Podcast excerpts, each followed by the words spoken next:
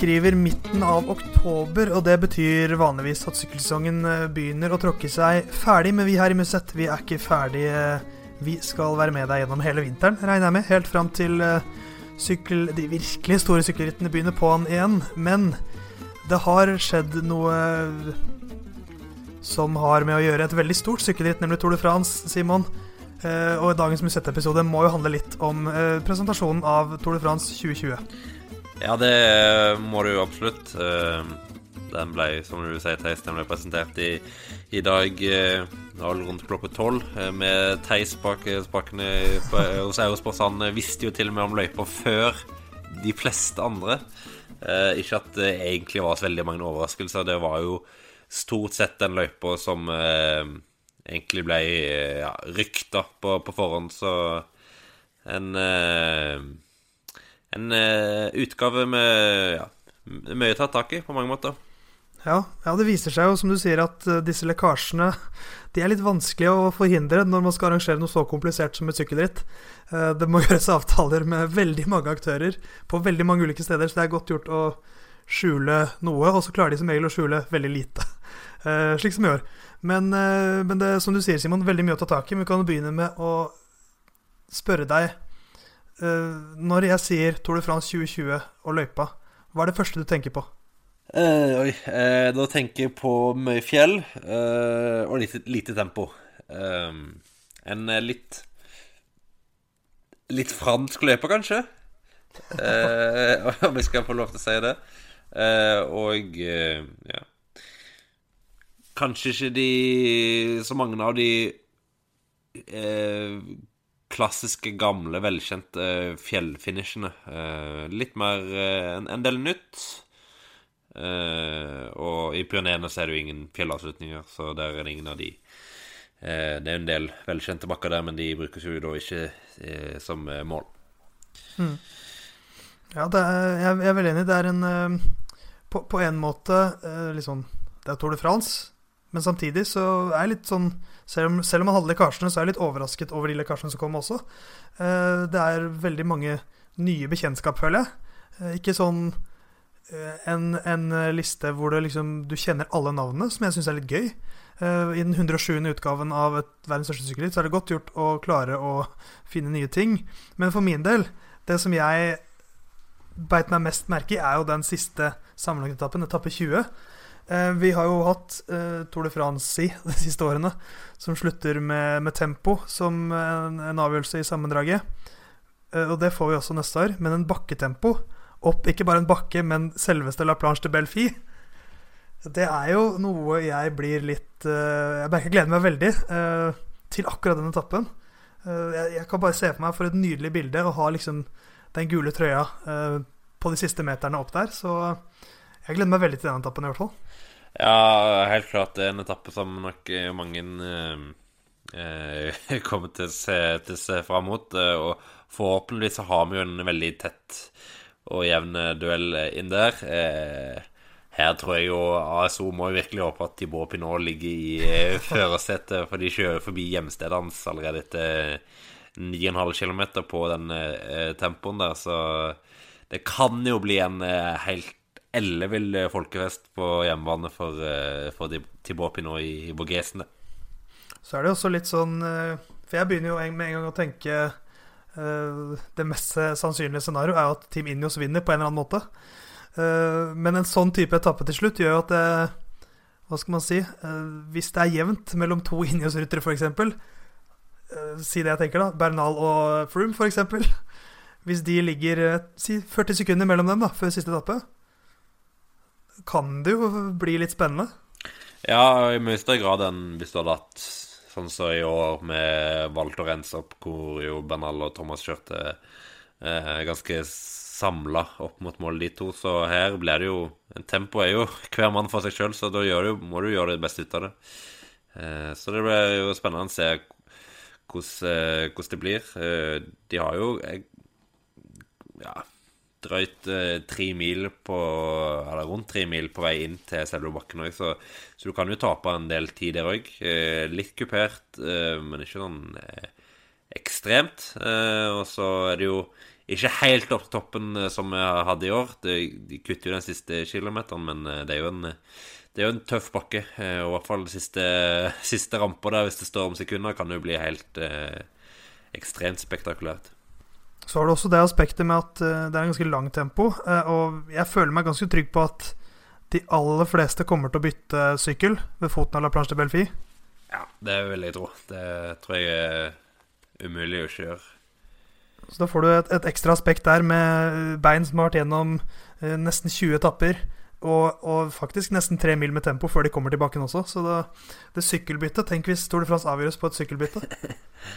ja, det jeg regner med de kommer stille med sånn rød løper som de hadde før, eh, før Fløyen i, i, i, VM i Bergen. Så da får de eh, øve seg mye i vinter nå på å ta det På å gjøre den, eh, det, det sykkelbyttet der.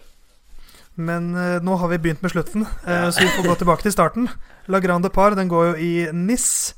Eh, Tour de France tilbake til NIS for første gang siden 2013. Da var det en lagtempo der, hvor Orica Green Edge, som de vel da het, gikk til topps. Eh, I år åpner det med en eh, flat spurtetappe, eller flat og flat, en spurtetappe i hvert fall, fulgt av en etappe som også går i NIS, men som ikke er spurtetappe, Simon.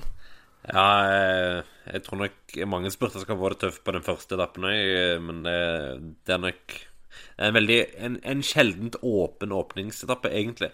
Men den andre etappen er jo veldig hard. Det er jo egentlig blant de hardeste etappene i hele hele årets ritt. Eh, vi har to bakker på som er ja, rundt 15 km på sånn 6-7% eh, Deriblant Col de Torini, som jo òg eh, ble brukt i årets eh, pris NIS.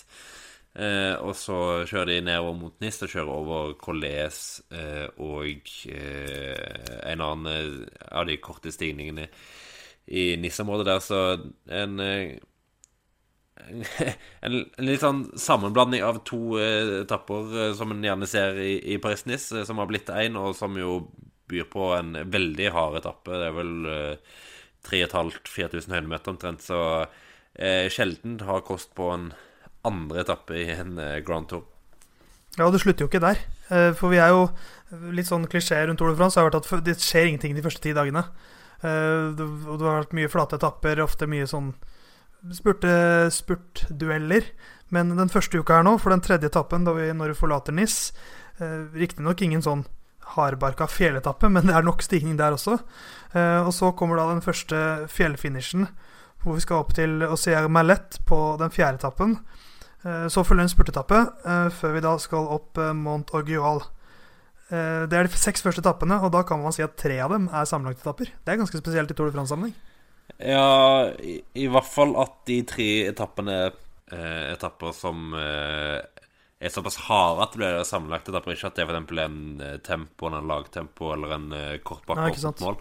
Her er det etapper hvor du virkelig kan tape mye tid hvis du ikke stiller godt forberedt og er i, i toppform egentlig fra start av. Så det blir et eh, det blir et langt ritt eh, på mange måter for sammenlagtfavorittene, hvor de må være på fra fra dag én, egentlig, og ut hele rittet og være i De må stille rett og slett i, i, i, toppform og klare å holde det utover rittet. Og Da kan du jo få litt av variasjoner. At noen har klart å være i eh, litt stigende på veien, eh, mens andre kanskje feider mot slutten. Så det blir en eh, lang eh, Tour de France å stå, så har jo veldig mange av disse her òg OL i tankene som kommer uka etterpå. Så det blir en tøff sommer for ganske mange. Der. For Det er også et aspekt her. altså Starten går 27.6. Eh, Tour de France er ferdig 19.7. Det er den tidligste, tidligste Tour de France-starten siden 1981, tror jeg, om jeg husker riktig.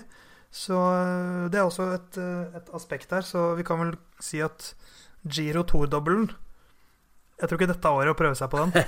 Nei, det, det er det ikke. Eh, det, det, det er det vanskelig, så Eh, nei, det er jo en veldig tøff første uke, som du sier, eh, med to da fjellavslutninger. Eh, eh Aigual er vel ikke så tøff i seg sjøl, men det, den går litt i trappetrinn oppover. Og hvis du ser de siste tre-fire mil under ett, så har du egentlig mer et korrekt bilde av, av hvordan det blir. Så den er ganske si, Høyeste toppen i, i, i Gard-departementet, så bør du ha god utsikt, i hvert fall. Eh, og så er det jo egentlig vi, rett én eh, overgangsstappe, og så er du inne i Pyreneene. Så det, det, er mye å ta tak i før den første villdagen. Og da er det altså to etapper i Pyreneene før, før, vi kommer til den. Ja, for det er da en eh, to, to som du sier, to fjelletapper før, eh, før første villdag til, som er i Pyreneene. Da de sveiper innom på, blant annet. Selvfølgelig. Så kommer villdagen. Og så kommer det på en måte, ja, kan man si, i hvert fall tre dager med den hviledagen, som er et slags hvileskjær for sammenlagtfavorittene. Med mindre det blir vind inn fra vest. For da, på etappe ti, som kommer etter hviledagen, så er det jo da utsatt til helt vest i Frankrike. Eh, Tor-arrangørene krysser vel fingrene for at det skal blåse. Eh, kjenner jeg flaksen deres rett, så blir det vindstille. Ja, det har ofte vært det på de etappene hvor en har på en måte venta sidevind. Og så har det jo blåst opp eh, på andre etapper da, av og til, men eh, det er ofte vanskelig å bestille sidevind, altså. Det, ja, det, det er ikke, ikke så lett. Ehm, men så fortsetter jo da toren etter to eh, flate etapper, som vi får tro mest sannsynlig ender i spurt. Eh, så kommer det den tolvte etappen. Eh, jeg vil ikke tro det skjer så mye i sammendraget. Er nok enten en dag for bruddet eller for litt punsjøraktige ryttere. Men så begynner det på'n igjen med to tøffe etapper. Kanskje ikke begge blir så veldig utslagsgivende, men det er jo et slags mattestykke her som skal bli mer og mer krevende for rytterne å løse også. Ja, absolutt. Eh, jeg, jeg tror det er den 13. Eh, etappen av de som eh, har mest å si. En ganske tøff avslutning, hvor du de siste 15 km har to bakker. Den første på rundt 4 km på rundt 9% og så har du 5,5 km på 8% opp til mål. Og der er jo de siste 2-2,5 km på ja, 11,5-12% Så eh, en klassisk avslutning hvor uh, du kan tape ganske mye da hvis du får hammeren, så uh, Og på samme måte vinne ganske mye tid hvis du uh, har en god dag. så en etappe for de litt mer eksplosive klatrerne på mange måter. Så en, en, dag, en dag, å være veldig obs på. og så er det én etappe til før hviledagen, eller hviledag nummer to. og vi pratet litt før vi starta her, Simon, om hva vi trodde var kongeetappen. Eh, eller den tøffeste etappen, eller hva man velger å kalle det. Og vi svarte litt forskjellig. Eh, du valgte deg etappe 15. Ja, eh, det er jo en etappe til Grand Colombier i, i stor grad. Inn i Jurafjellene, da. Og du kjører jo egentlig opp på denne åsryggen med hvor toppen Grand Colombier er da egentlig tre ganger.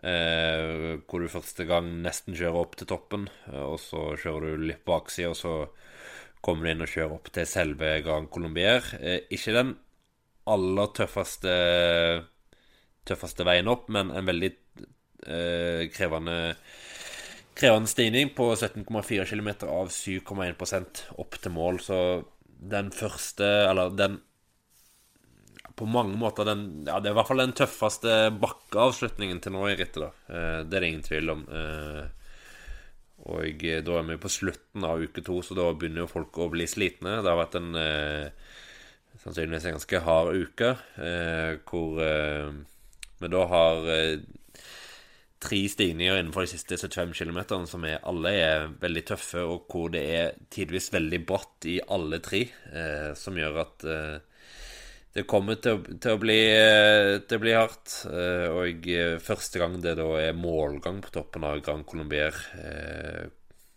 har jo vært brukt i Tour de France tidligere, men aldri målgang på toppen før. Så det blir spennende å se hvordan, hvordan det blir kjørt, det. Det blir en spektakulær og billedskjønn etappe også. hviledag følger etter det.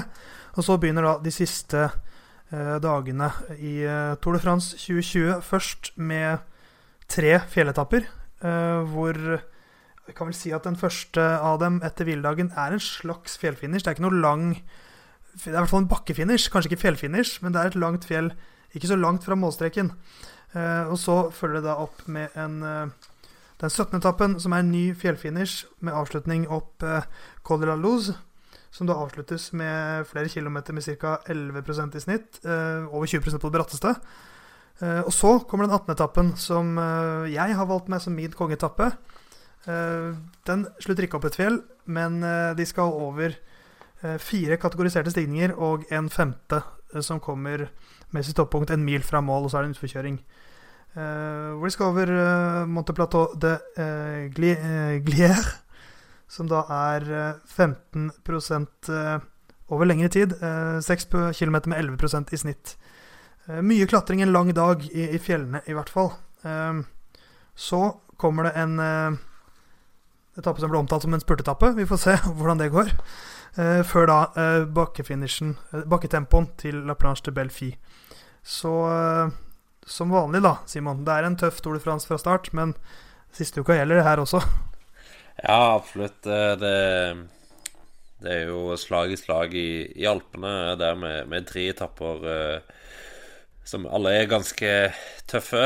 Eh, denne etappe 17 og etappe 18 som virkelig er eh, de tøffeste av de to. Eh, på etappe 17, som du sier, så har du Col de la Lås, som jo ble brukt i Tour Lavenir i år. Det var den etappen hvor de starta i bånn og kjørte opp. En, en fellesstart, ikke en tempo, hvis det var det du tenkte.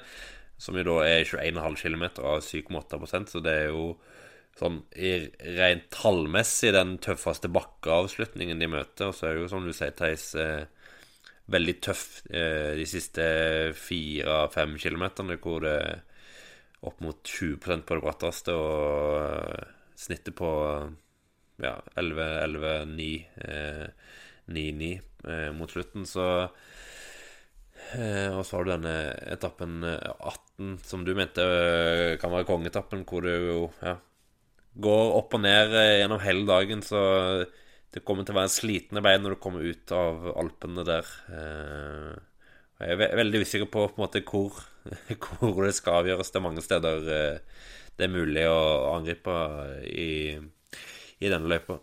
Så etter La Planche de Belfi så reiser de da eh, mot Paris, hvor siste etappe selvfølgelig skal gå i mål i år også. Så det er en eh, kjapp gjennomgang, mer eller mindre, av neste års Tour de France. Og da er det jo naturlig å spørre seg, Simon, hvilke syklister i eh, toppsjiktet tror du sitter og ser på den løypa og tenker hm, dette kan være en bra sjanse for meg? Uh, nei, godt spørsmål. Uh, jeg tror det er ganske mange som tenker at det er en, en god løype, fordi all den tid en ikke har 15 mil med flat tempo, som på mange måter utelukker en del ryttertyper. Men jeg tror sjøl de temposterke rytterne, som Roglic og Dumoulin og Froome og sånt, ser jo at det kan være en fin løype for de òg, for de er jo tross alt blant verdens beste uansett. men klart det er jo en løype hvor klatrerne, de rene klatrerne har bedre muligheter enn en de ofte har. Eh, og jeg vil jo si at det er en fin løype for en rytter som Thibaut Pinot eller Egan Bernal. Eh, rytter om, så det kan jo være en veldig fin løype for Julian Alaphilippe, men det spørs jo hva han vil. Eh, det er jo færre av de der grusomt lange stigningene som hadde i år hvor han jo var veldig høyt oppe i, i Alpene. Eh, og hadde flere av de maratonstigningene. Nå er det jo egentlig kun på denne etappe 17 at en har de virkelig lange stigningene, hvor en òg har Col de la Madeleine før siste stigning opp til Col de la Lås. Så eh, jeg tror det er mange som eh, tenker at de kan passe bra for dem. Eh, men jeg, ja, jeg tror det er en fin løype for franskmennene, i hvert fall. Ja, utvilsomt. Eh, etter det Pinot viste i, i, år Hvis han klarer å ta med seg den samme formen, så har han jo en kjempesjanse eh, neste år også. Uh, Ineos-gutta er jo selvfølgelig De mestrer alle løyper. Det har de vist nå, når de har vunnet så mange ganger. Uh, kanskje Vi får se på Chris Froome, men Egan Bernal kommer garantert til å bli en, en av favorittene hvis han skal kjøre Tour de France, så vi får velge å tro at han skal. Uh, så jeg er litt spent på Jumbo Visma, merker jeg. jeg det er min, min første spådom for 2020-sesongen, tror jeg. At Tom Dumoulin ikke kommer til å sykle Tour de France. Oi. Jeg tror eh, dette er en løype som passer Primoz Roglic enda bedre. Eh, ja. Eh, på mange måter så jeg skal enig i akkurat det. Eh, Dumoulin har vel sjøl indikert Tour de France, men eh, det var jo før løypa da ble kjent.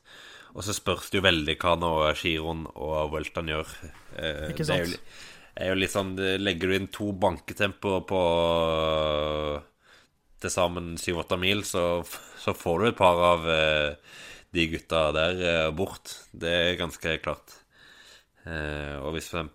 Dumoulin får en drømmeløype i giroen og ser at eh, Nei, søren, Toren er kanskje ikke så bra for meg i år. Det kommer et OL rett etterpå. Jeg prøver å ta giroen og være i kjempeform til OL, så, så er jo det en veldig god mulighet. Eh, så det blir veldig spennende å se hva Jumbo Visma ender opp med å gjøre, for de har absolutt en kaval de må legge der. Så er det også f.eks. Simon Yates. Tror jeg kan eh, funke bra her. Uh, se om han får en virkelig crack på, eh, på Tour de France eh, neste år.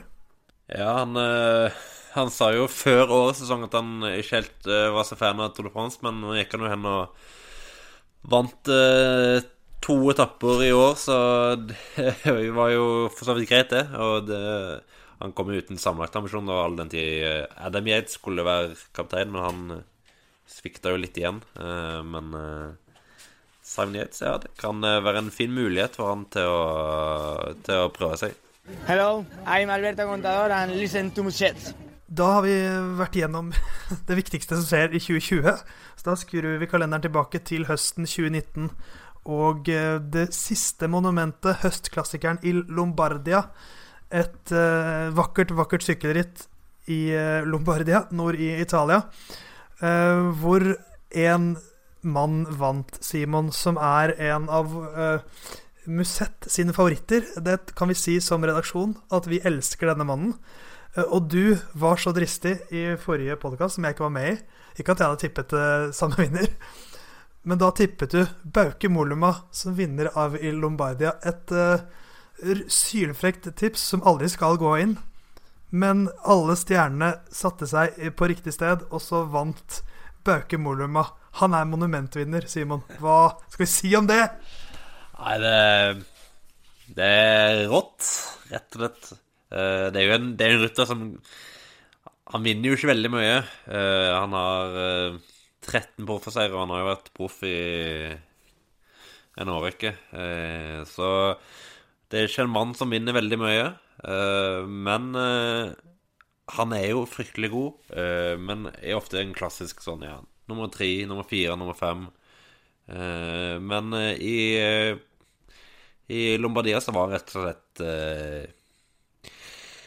ja, Jeg vil kanskje påstå han var den sterkeste, men i hvert fall den eh, smarteste. Eh, og eh, angrep jo helt perfekt og var råsterk når han først fikk den luka. Så en nydelig, nydelig seier. Gjorde absolutt alt rett. Trekk og gjorde et fantastisk ritt. De hadde Tom Skuens i det første bruddet, og så var det jo Chichone som satte fart opp Murdi Somano, og så med angrep fra Mollema opp uh, Sevigli, og så eh, perfekt ritt eh, fra, fra trekk, og Mollema leverte et eh, en triumf som eh, de færreste nok eh, så komme, men som veldig mange unna, tror jeg. Ja, for det er jo eh, det, det, det, det Angrepet der, det er jo tekstbook. Hvordan du vinner et så stort ritt som eh, litt outsider. Eh, for som du sier, ikke, ikke mannen som så veldig mange fulgte på. Og avgjørelsen Vinnerrykket kom jo opp i Civiglio, hvor Valverde nettopp har angrepet. Eh, det har vært litt sånn småangrep fra andre favoritter også. Så samler det seg. Det stopper litt opp. Moluma kommer litt fra dyp i favorittgruppa. Han sa jo etter, eh, etter målgang at han merket at i da de andre angrep, så hadde han ikke helt akselerasjonen til å følge de aller beste. Så han tenkte at dette er mitt øyeblikk. eh, og han grep jo virkelig det der med, med begge bein. Og ja, som du sier, råsterk på vei inn. Eh, det er litt sånn angrep. Primo, de klarer ikke å finne ut av samarbeidet. Som veldig typisk avgjørelse eh, når det bruddet går og en solorytter kommer seg av gårde. Hvor Primo Stroglic eh, forsøker å gå etter, kommer til slutt løs på flatene før San Fermo de la Bataglia, men blir kjørt inn, og så er det Valverde som fører an i jakten, på en måte. og var vel rundt 20 sekunder bak over toppen. Så samler det seg da en gruppe med Valverde, Bernal og Folsang bak Moluma, som eh, kommer da i mål 16 sekunder etter vår nederlandske venn, med Valverde, Bernal og Folsang eh, i den rekkefølgen. Um, så det ville seg ikke for Valverde i år heller, hvis vi skal sveipe innom han også. Det begynner å bli mange andreplasser nå i Lombardia. Ja, det er vel hans tredje, tror jeg. Eh, Ja. Tredje eller fjerde. Eh, tredje, tror jeg. Eh, så det, det er jo et ritt som passer han veldig godt. Eh, men det er òg et ritt som passer veldig dårlig i den form at alle vil alltid se på han.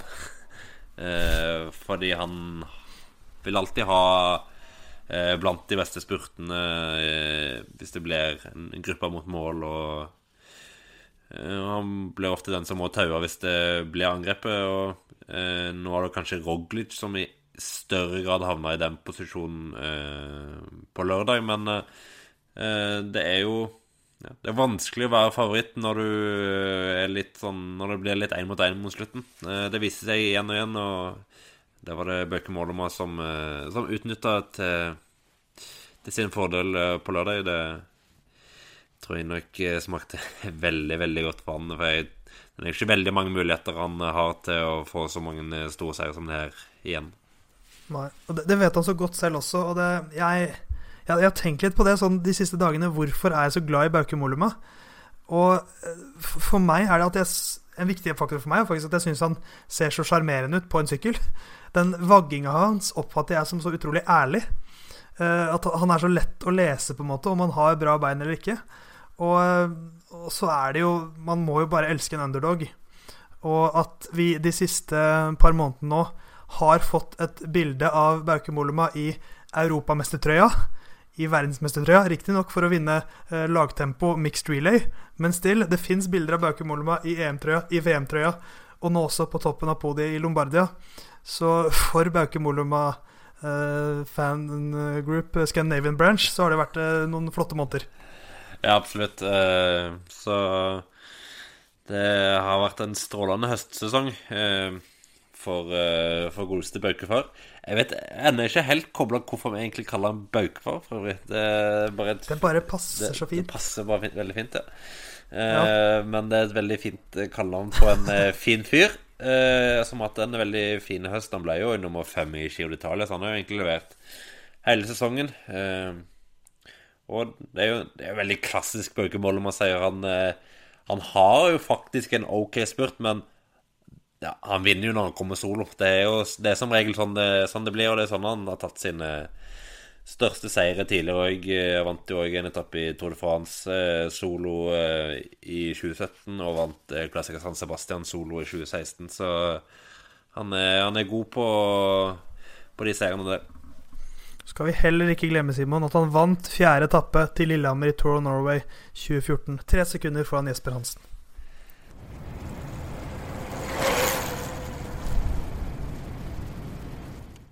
En eh, annen ganske stor klassiker eh, gikk eh, foregående helg på søndag i Frankrike, Paris-Tours, for 113. gang. Og for andre gang så var det Jelleva Valais som vant, og for andre år på rad så ble Nikki Terpstra nummer to, mens Oliver Nasen han ble nummer tre for første gang. Et litt sånn spesielt sykkelritt som har endra litt profil de siste årene. Eh, et par topplag, bl.a. kunne Quickstep, som manglet i år etter at Patrick Lefebvre lovet at, lovet at hans lag aldri skulle sykle der igjen. Så holdt han i hvert, i hvert fall sitt ord i år. Men eh, hva skal vi si om eh, den franske høstklassikeren, eh, Simon? Eh, som også av og til blir kalt for spurternes klassiker. Ja. En av 17 000 ritt som har det navnet. Og som i år var kjent som det sjette monument en gang i tida. Det begynner å bli eh, færre og færre som bruker det om Paris Tour, så ja, med rette. For eh, startfeltet i år var jo et uh, godt steg ned, uh, som du sa, Theis, og som vi var inne på i forrige podkast. den endringa som er gjort i løypa, jeg tror ikke den har vært til bedre. Paris Tours har, har allerede vært i, i årene før det et ritt som, eh, som har sin sjarm, eh, hvor det ofte blir kjør i sidevind, og eh, hvor du har hatt noen små bakker mot mål som eh, gjør det til et uforutsigbart ritt. Men nå Nå er det for så vidt veldig uforutsigbart, men nå er det veldig uforutsigbart i den form at det det fort er den som ikke punkterer, som vinner rittet. Eh, for det var punktering i øst og vest, og sjøl Nikki Terpstad, som nå ble nummer to, tror jeg punkterte to ganger. Og Søren Krag Andersen leda jo foran Jelva Lice en stund solo. Så punkterte han og forsvant vekk. Så det, det, det gjør jo at det føles litt mer tilfeldig. Eh, for all del, det å unngå punktering er jo òg til viss grad en ferdighet. Altså til viss grad eh, så er det jo òg bare uflaks. Eh, men får se hvor lenge de holder på dette denne, denne løypa. For se på topp ti bak Gjellevalais, Terpstad, Nasen og DeMar, så er det jo du, du, hadde ikke Hadde du, hadde, hadde, hadde du hatt en sånn topp ti-liste i f.eks. en eh, klassiker i Flandern, så hadde du tenkt at det var, var det fryktelig dårlig startfelt. Eh, men for all del, det gjorde jo at vi fikk se Lars Dyngbakk eh, virkelig kjøre som en helt i sitt siste ritt som proff, så Norge godt kommer ut av det. For det som for meg har vært Paris Tours, uh, er at det har vært et utrolig kjapt ritt. Det går styggfort. Du har jo denne Urban Jean-prisen, som er Eller hva, hva, kaller man det? Det er vel en slags et trofé, kanskje. Som går til den raskeste klassikeren som har blitt syklet noensinne. hvor veldig ofte har den blitt satt i Paris Tours. Matteo Trentin vant i 2015. Da snitthastigheten 49,6 km i timen. Eh, den forrige vinneren var Marco Marcato, også i Paris Tours, 48,6. Og de tre foregående vinnerne før der var også i Paris Tours. Um, det skal sies at uh, på den 17. etappen i Vueltaen i år så var snitthastigheten, snitthastigheten over 50. Men, men, for klassikerne så har Paris Tours hatt den plassen hos meg. Og i årets ritt så var altså snitthastigheten 38 km i timen. Og nå skal man si selvfølgelig at vinden har mye å si for, uh, for snitthastigheten osv., men det er jo et aspekt med en liten ny løype her òg. Ja, det er nok det. det de siste fem-seks milene blir jo veldig seige.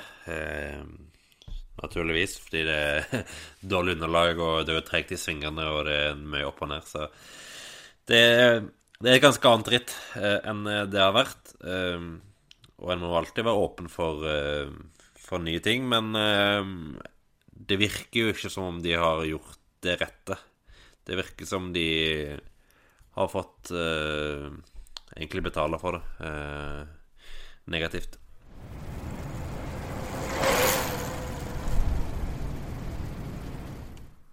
Vi kan vandre videre fra Paris Tours til den norske sykkeluka. Uh, og da blir vi like så godt i Paris Tours, uh, for vi drar ikke helt, helt fra det enda. der var det nordmenn som kjørte og gjorde det bra.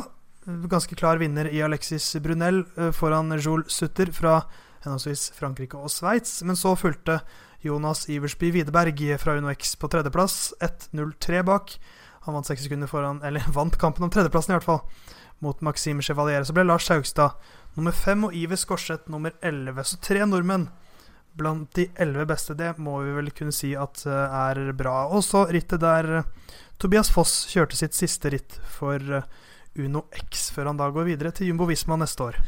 Ja, absolutt. veldig bra. Og igjen så kjørte Uno X veldig bra som lag. Det har vært en veldig gjennomgående i hele år. De har tatt mye ansvar og, og virkelig ja, tatt kommandoen mange ritt. Eh, og det gjør jo at de sitter igjen med mange gode resultater, og tre mann topp 11 er jo veldig bra. Eh, IOSB Widerberg hadde jo hatt litt tekniske problemer, så han var jo eh, litt bakpå når eh, Brunell stakk, så vidt jeg har forstått. Så eh, der kunne det kanskje vært enda bedre. Det er jo bare spekulasjoner. Men eh, eh, ja, uansett et veldig godt ritt.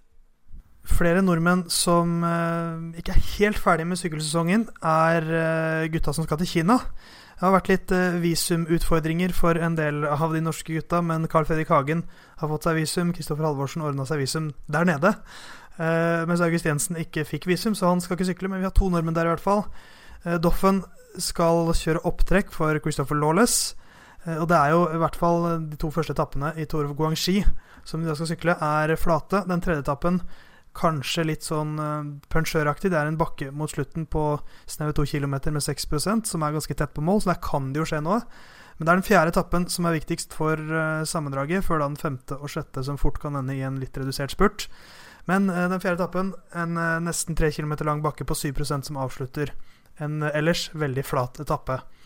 hva er de norske sjansene her, Simon, når vi vet at Doffen er opptrekker, men Carl Fredrik Hagen er jo ikke det?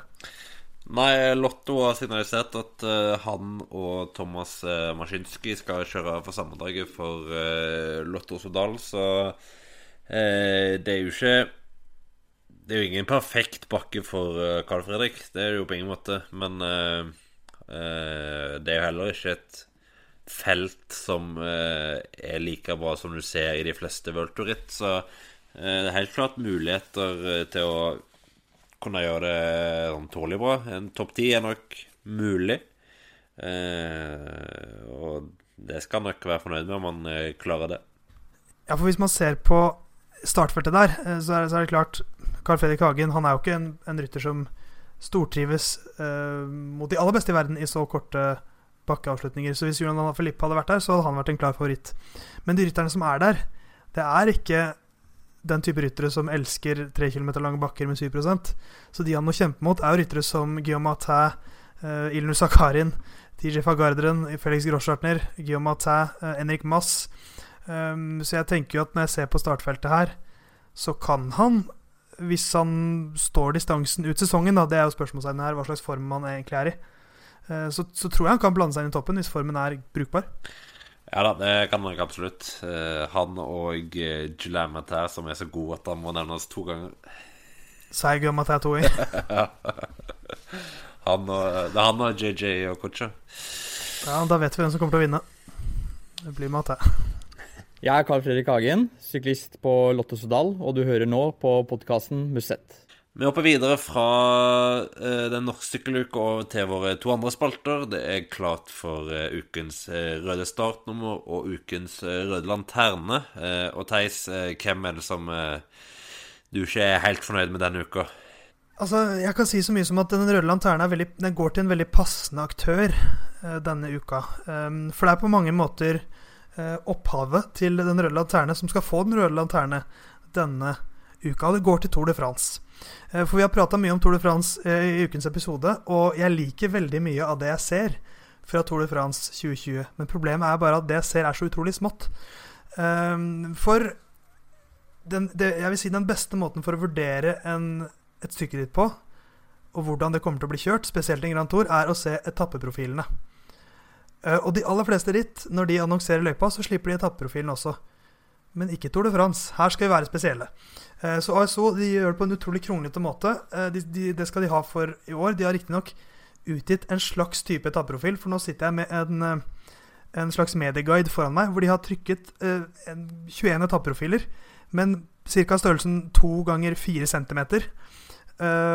og veldig lite Man får utrolig lite ut fra det enn man ser forskjellen på en fjelletappe og en helflatetappe. Um, så mens Vuelta Spania og Giro d'Italia slipper etappeprofiler veldig tidlig, så venter man fort til juni før man får etappeprofilene i Tour de France. Og uh, det er det ingen grunn til å vente så lenge med. Det kan hende at det er noen greier som må endres, eller de er ikke helt sikre på noen ting.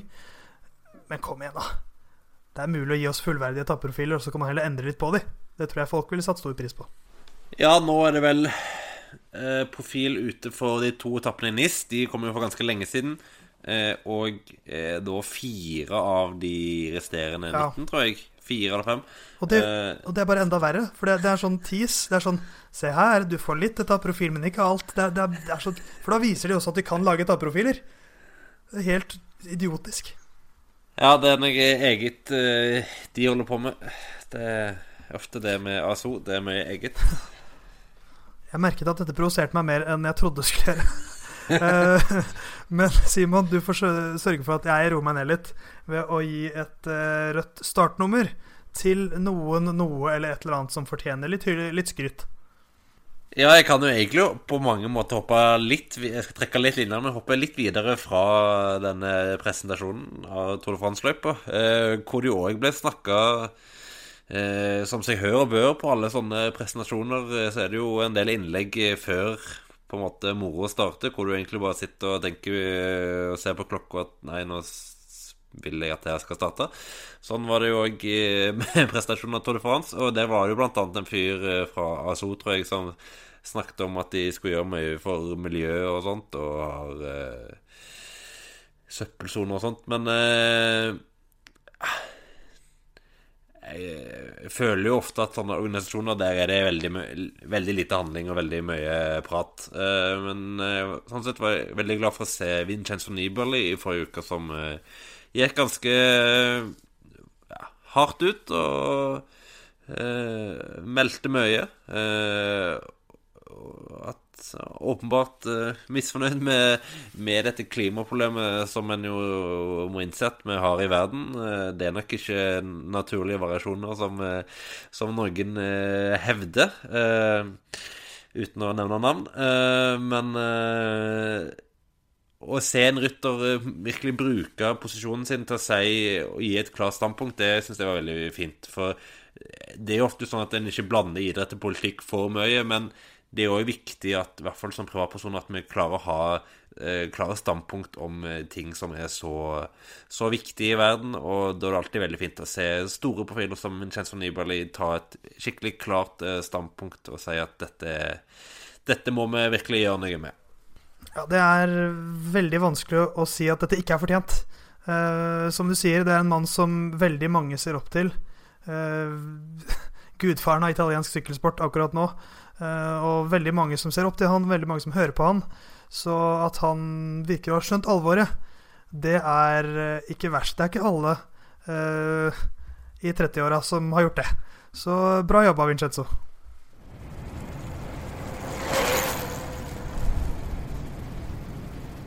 På dagen der vi spiller inn denne episoden, så er det 287 dager til neste års Tour de France starter. Så det skal skje veldig mye i sykkelsporten før den tid. Det skjer kanskje ikke så mye de neste månedene, men uh, vi har ikke tenkt å gi oss med podkasting. vi, vi går ikke inn i vinterdvale helt, eh, Simon. Vi skal få til noe.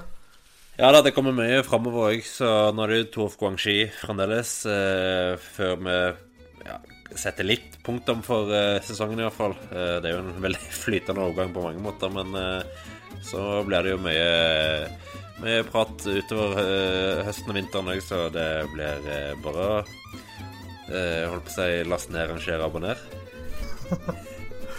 Sylfrekt eh, å, å stikke inn den så tidlig, men, men jeg kan jo henge meg på. Jeg, jeg er veldig enig. Kanskje vi bare skal la den være med det. At Vi trenger ikke si mer enn det.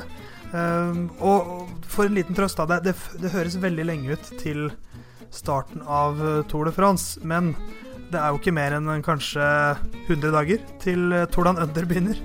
Så eh, sykkelsporten har en kortere og kortere pause. Eh, og Musett kommer tilbake neste uke, regner jeg med. Så takk for oss, Simon, eller? Yes, takk for oss. Ha det bra. Og takk til deg, Theis. Og takk til deg, Simon. Vær så god. Og takk til Vincenzo Nibali. Fin fyr.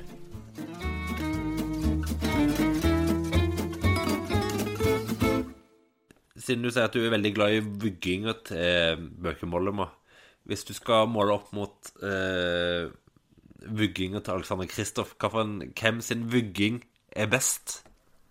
Ja, jeg, jeg føler på en måte at Kristoff sin vugging den kommer på et tidspunkt hvor han er helt i kjelleren. Det er da vugginga kommer fram i større grad. Mens jeg føler Bauke sin er mer som en metronom. At han er mer sånn Det er en del av hans stil, er den vugginga som, som han, han kan bare sykle i motbakke på én måte, og det er å vugge. Eh, hvor ofte ser du Bauke Mollema reise seg i bukken? Kanskje når han angriper, men bortsett fra det så sitter han og vugger fram og tilbake. Og det er, det er et av sykkelsportens syv underverker. Vugginga til Mollema, syns jeg.